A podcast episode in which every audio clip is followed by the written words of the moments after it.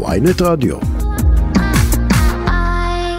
ברשותך נצרף לשיחה את דימיטרי דיליאני מאנשי המועצה המהפכנית של הפת"ח, מקורבו של מוחמד דחלן. Good morning to you and thank you for joining us. Good morning. Thanks for having me. I understand that you have reservations uh, vis-à-vis uh, the participants of the PA, the Palestinian Authority, in the Aqaba summit. Yes, uh, we have a, a, very strong objection. Uh, the main reason for that is that the, the Palestinian Authority and the State of Israel are confining our relationship to the security aspect of it. We, as people that uh, look forward for a, a solution, a peaceful solution and stability, we see security uh, solutions as part of a total political process and not confinement to security aspects. Something that we see as is as being great treason that is being rejected strongly by the Palestinian people. This is evident by protests yesterday in Jenin, in Nablus, in Jerusalem, and the total uproar on social media.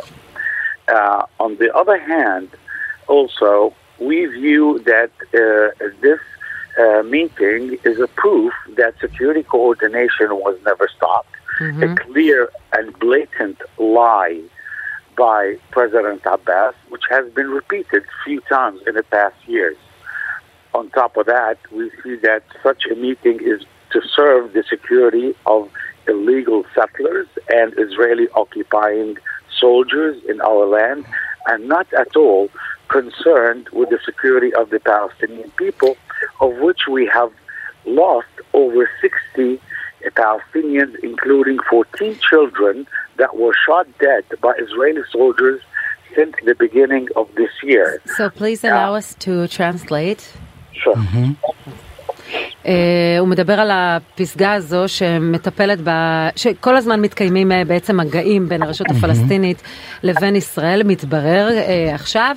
Uh, הוא מודע כמובן מהמצב של הפלסטינים, מהעובדה שילדים uh, נורים, מהעובדה שבעצם מכשירים בעניין הזה כאשר הפלסטינאים מקיימים uh, uh, uh, uh, שיחות עם הישראלים, הם בעצם מכשירים את עניין הכיבוש וההתנחלויות. ותרצה להתייחס להיבט הביטחוני, שהוא התייחס אליו בהתחלה? אני, אני, אני אשאל אותו, דימיטרי, um, uh, 20 years ago, 2003, the exact same summit in Aqaba with the same President uh, uh, Abbas, then was Arafat in Ramallah, and, and the Americans and the Israelis. you feel that we're in the same time?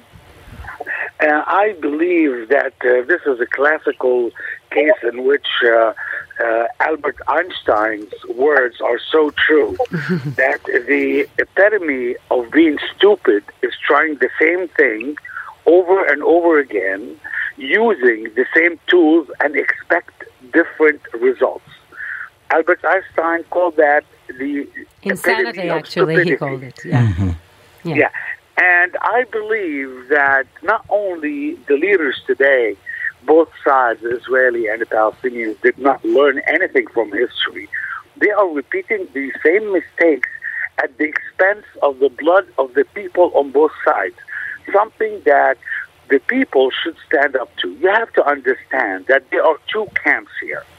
The one camp that that builds its ideology on scripts written 1,000, 2,000, or even 3,000 years ago, uh, which works against the peace process and the political process. And this is embodied in Hamas, in uh, Itamar Ben Gvir, and alike. And they are the more sensible people that want to work out something. Now, you, as an Israeli person or as a Palestinian person, individually have to align ourselves where do we want to be? The only difference is Israelis have elections and they can practice that and Yeah. practice their right and alignment of themselves. Well, us, we haven't had, yeah, you haven't had an election for 15 elections. years. Yeah, right? Yeah, exactly. We don't have uh, elections. let, let me just try to translate. Uh, הוא, mm-hmm. הוא מדבר על, על העובדה שהוא מזכיר את האמירה המפורסמת של איינשטיין, שאי שפיות מוגדרת על ידי ניסיון לעשות את אותו דבר באותם כלים פעם כן. אחר פעם ולצפות לתוצאות שונות. הוא אומר בעצם אנחנו עושים את אותו דבר כבר שנים.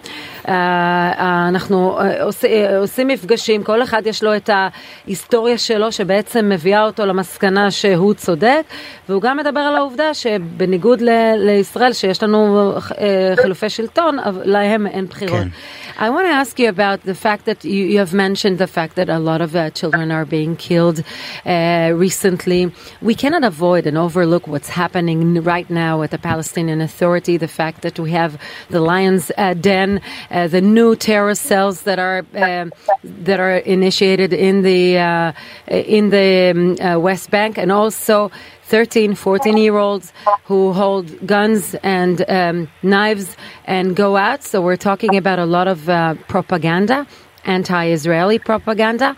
Um, do you take a responsibility on that? Do, do Palestinians uh, think that this should also stop, this violence and this uh, propaganda for violence? Yeah, well, look, uh, names could differ every now and then you're going to come up with the name of the group, but the sense of injustice seeing occupation killing people on daily basis, the total failure and irrelevancy of the Palestinian Authority, all this feeds into people not seeing hope at the end of the tunnel. And the Palestinian people are very diverse people. Some people try to react through uh, writing, through art, through uh, protesting, and others choose to go violent, but it's all a reaction of one reality that the uh, Israeli media and a lot of the and Israeli politicians in general try to avoid, which is occupation. Occupation is a consti- co- continuous, consistent mm-hmm. aggression that goes against human rights. And when this uh, uh, uh, as long as this occupation exists, but it doesn't justify terror and people are going to react to it. And the way they react to it, you might call it terror, you might not call it terror. At the end of the day, peaceful protest at one point in Jerusalem is called terror.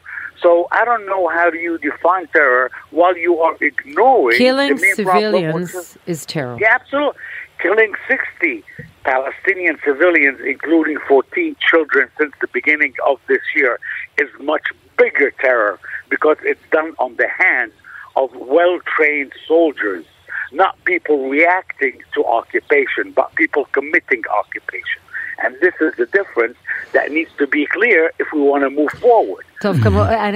Let us translate, please. כמובן, הוויכוח המהותי לגבי הזכות של הפלסטינאים להתקומם והזכות שלהם, הוא מדבר על הרג משמעותי של הרבה אזרחים פלסטינאים, ולכן הוא אומר שאין הבדל בדרך שבה הם מוחים, שאנחנו קוראים לזה כמובן במילים שלנו טרור נגד אזרחים. אתה יכול לא לקרוא לזה טרור, ואם טרור זה פגיעה באזרחים, אז אתם פוגעים ביותר אזרחים. You mentioned total failure by the Palestinian Authority, and I want to ask to ask you if uh, you think that Muhammad Dahlan should inherit uh, President Abbas.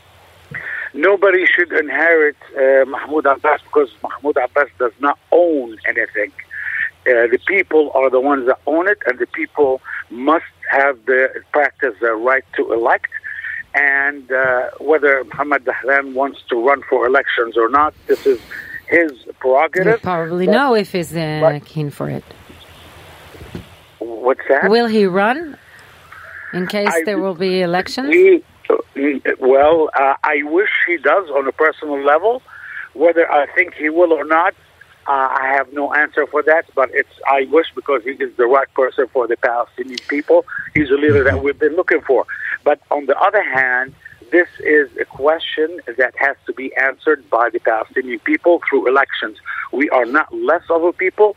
We live in the 21st century. We have the right to elect our leaders and not deal with leaders that have been a total failure and impose on us like the ones we live under today. Dimitri Diliani, uh, thank you very much. Thank you. Thank you.